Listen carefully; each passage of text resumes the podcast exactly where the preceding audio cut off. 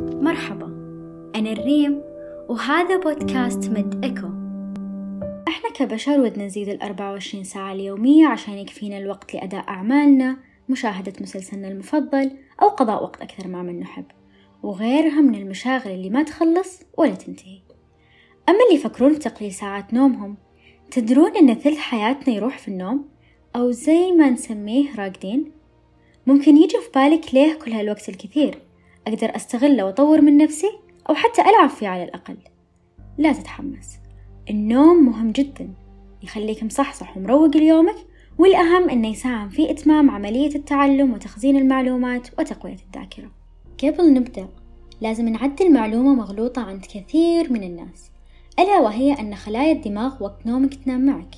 لكن الحقيقة هي أنت فقط اللي تنام وخلايا دماغك عملها دؤوب. ما تنام وتؤدي عملها بنفس كفاءتها أثناء اليقظة وممكن أكثر بعد إذا ليش خلايا دماغي ما ترتاح وتنام وقت نومي؟ يا ترى أي عمل هذا اللي ما يتركها تنام؟ السبب هو أن هالخلايا لها وظائف ومهام تتفرغ لتأديتها لما تكون أنت غارق في نومك أحد أهم هذه المهام هو تثبيت وحفظ المعلومات عشان يسترجعها بعدين خلال النوم ينشغل الدماغ في معالجة الذكريات الجديدة مثل المعلومات اللي ذاكرتها اليوم يثبتها ويرسخها ويربطها بالذكريات والمواضيع السابقة المتعلقة فيها. مثل ما صار في فيلم ال animation Inside Out وطبعا أنصح كل شخص ما شافه يروح يشوفه الآن. أما الأمور الهامشية والغير مهمة يتم نسيانها لأنها ممكن تؤدي إلى فوضى في الجهاز العصبي.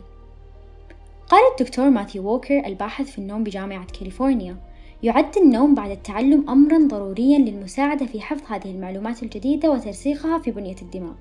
مما يعني أنه من غير المحتمل أن تنساها. إذا ما نمت ممكن تنخفض قدرتك الاستيعابية للمعلومات الجديدة بنسبة تصل إلى 40% قريب النصف. هذا حسب تقديرات ووكر لهذا لا تستغرب إذا نسيت المعلومات أمام ورقة الاختبار لو ما نمت ليلتها. في بعد سبب ثاني راح يخليك تقتنع أكثر وأكثر. أكيد لاحظت أن إذا ما نمت كفاية تقوم وأنت تعبان ومالك خلق. هنا يظهر لنا السؤال. ليش إذا صحيت بعد فترة نوم كافية تحس بشعور جميل وتقوم صح صح؟ السبب هو أن خلال اليوم عقلك يتعب من كثر ما يشتغل. أفكار رايحة وجاية كلام حلو كلام جارح شغل طول اليوم ومشاعر وأفكار تتراكم عليك بسوءها وبحسنها. كل هذا يؤدي لوجود منتجات ثانوية ضارة بالدماغ. وعند النوم أحد أهم أجهزة الجسم المعقدة يزيل هذه السموم والعوالق اللي تتعب دماغك وما تخليه يشتغل زين. في تجربة غريبة وغامضة من نوعها تستحق الذكر. حيرت الفلاسفة والأطباء النفسيين والعلماء وإشكاليتها موجودة حتى في الدين. ألا وهي الأحلام. الأحلام وما أدراك ما الأحلام.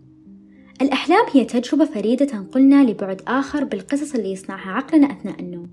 تجربة نخوضها كلنا يوميا حتى لو ما تذكرنا الحلم. دقيقة دقيقة. إيش حلمت اليوم؟ حلم أكشن، مغامرات، دراماتيكي ولا رعب؟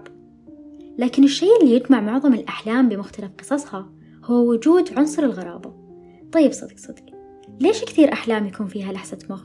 ليش أشوف سفينة تسبح في صالة بيتنا وبايدن يلقي خطاب الانتخابي عند جوال بأربع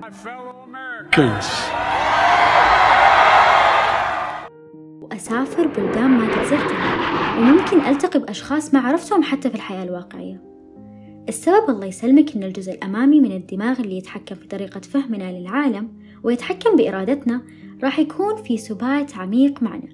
عقلك الآن بيجتهد بدون الجزء الأمامي. لا إرادتك ولا تحكمك ولا منطقك راح يساهمون في هذه العملية. يعني خذ لك لحظة مخ. طيب على أي أساس صارت هذه الأحداث بالذات في حلمك؟ بالغالب أحلامك راح تكون متعلقة بأمور صارت لك في اليومين اللي مضوا. ولاحظ العلماء أن الأحلام مليئة بالتجارب العاطفية والأفكار وخصوصا الأفكار السلبية. لأن عقلك الباطن أثناء الحلم راح يحاول يحاكي المخاطر اللي أنت تتعرض لها في حياتك الواقعية وممكن جالس تتهرب منها.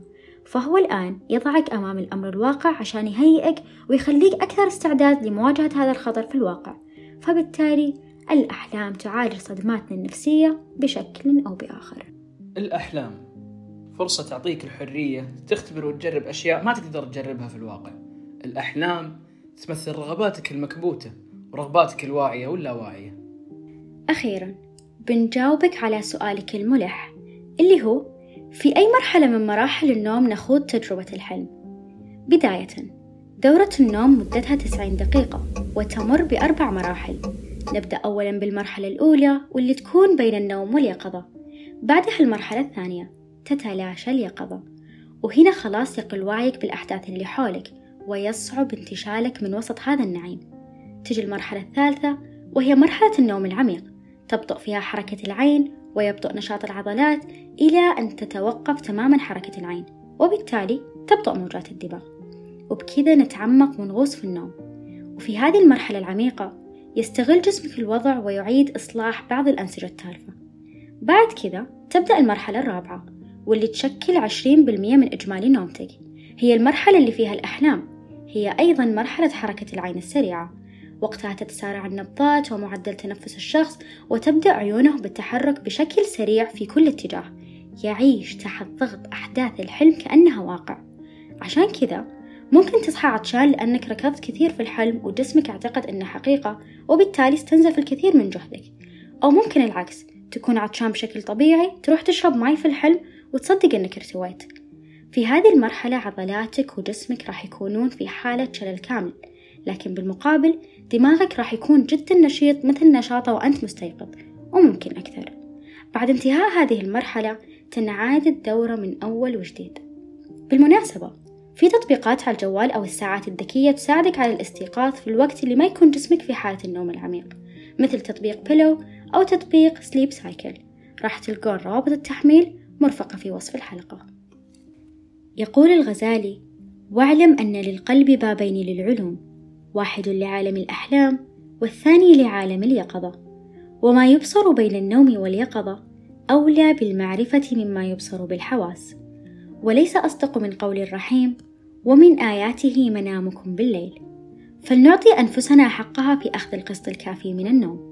ليس رفاهية فقط بل هي استثمار في نفسك تقوية للعبادة تجديد لجهدك البدني وتهيئة لطاقتك العقلية لتدفع عجلة التنمية ولتثبت وجودك في هذه الأرض التي استخلفنا الله فيها.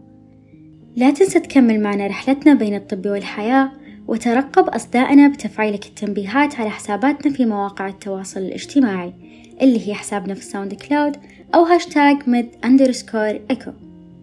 طبعا صدانا غير. دمت بود ونوما هنيئا.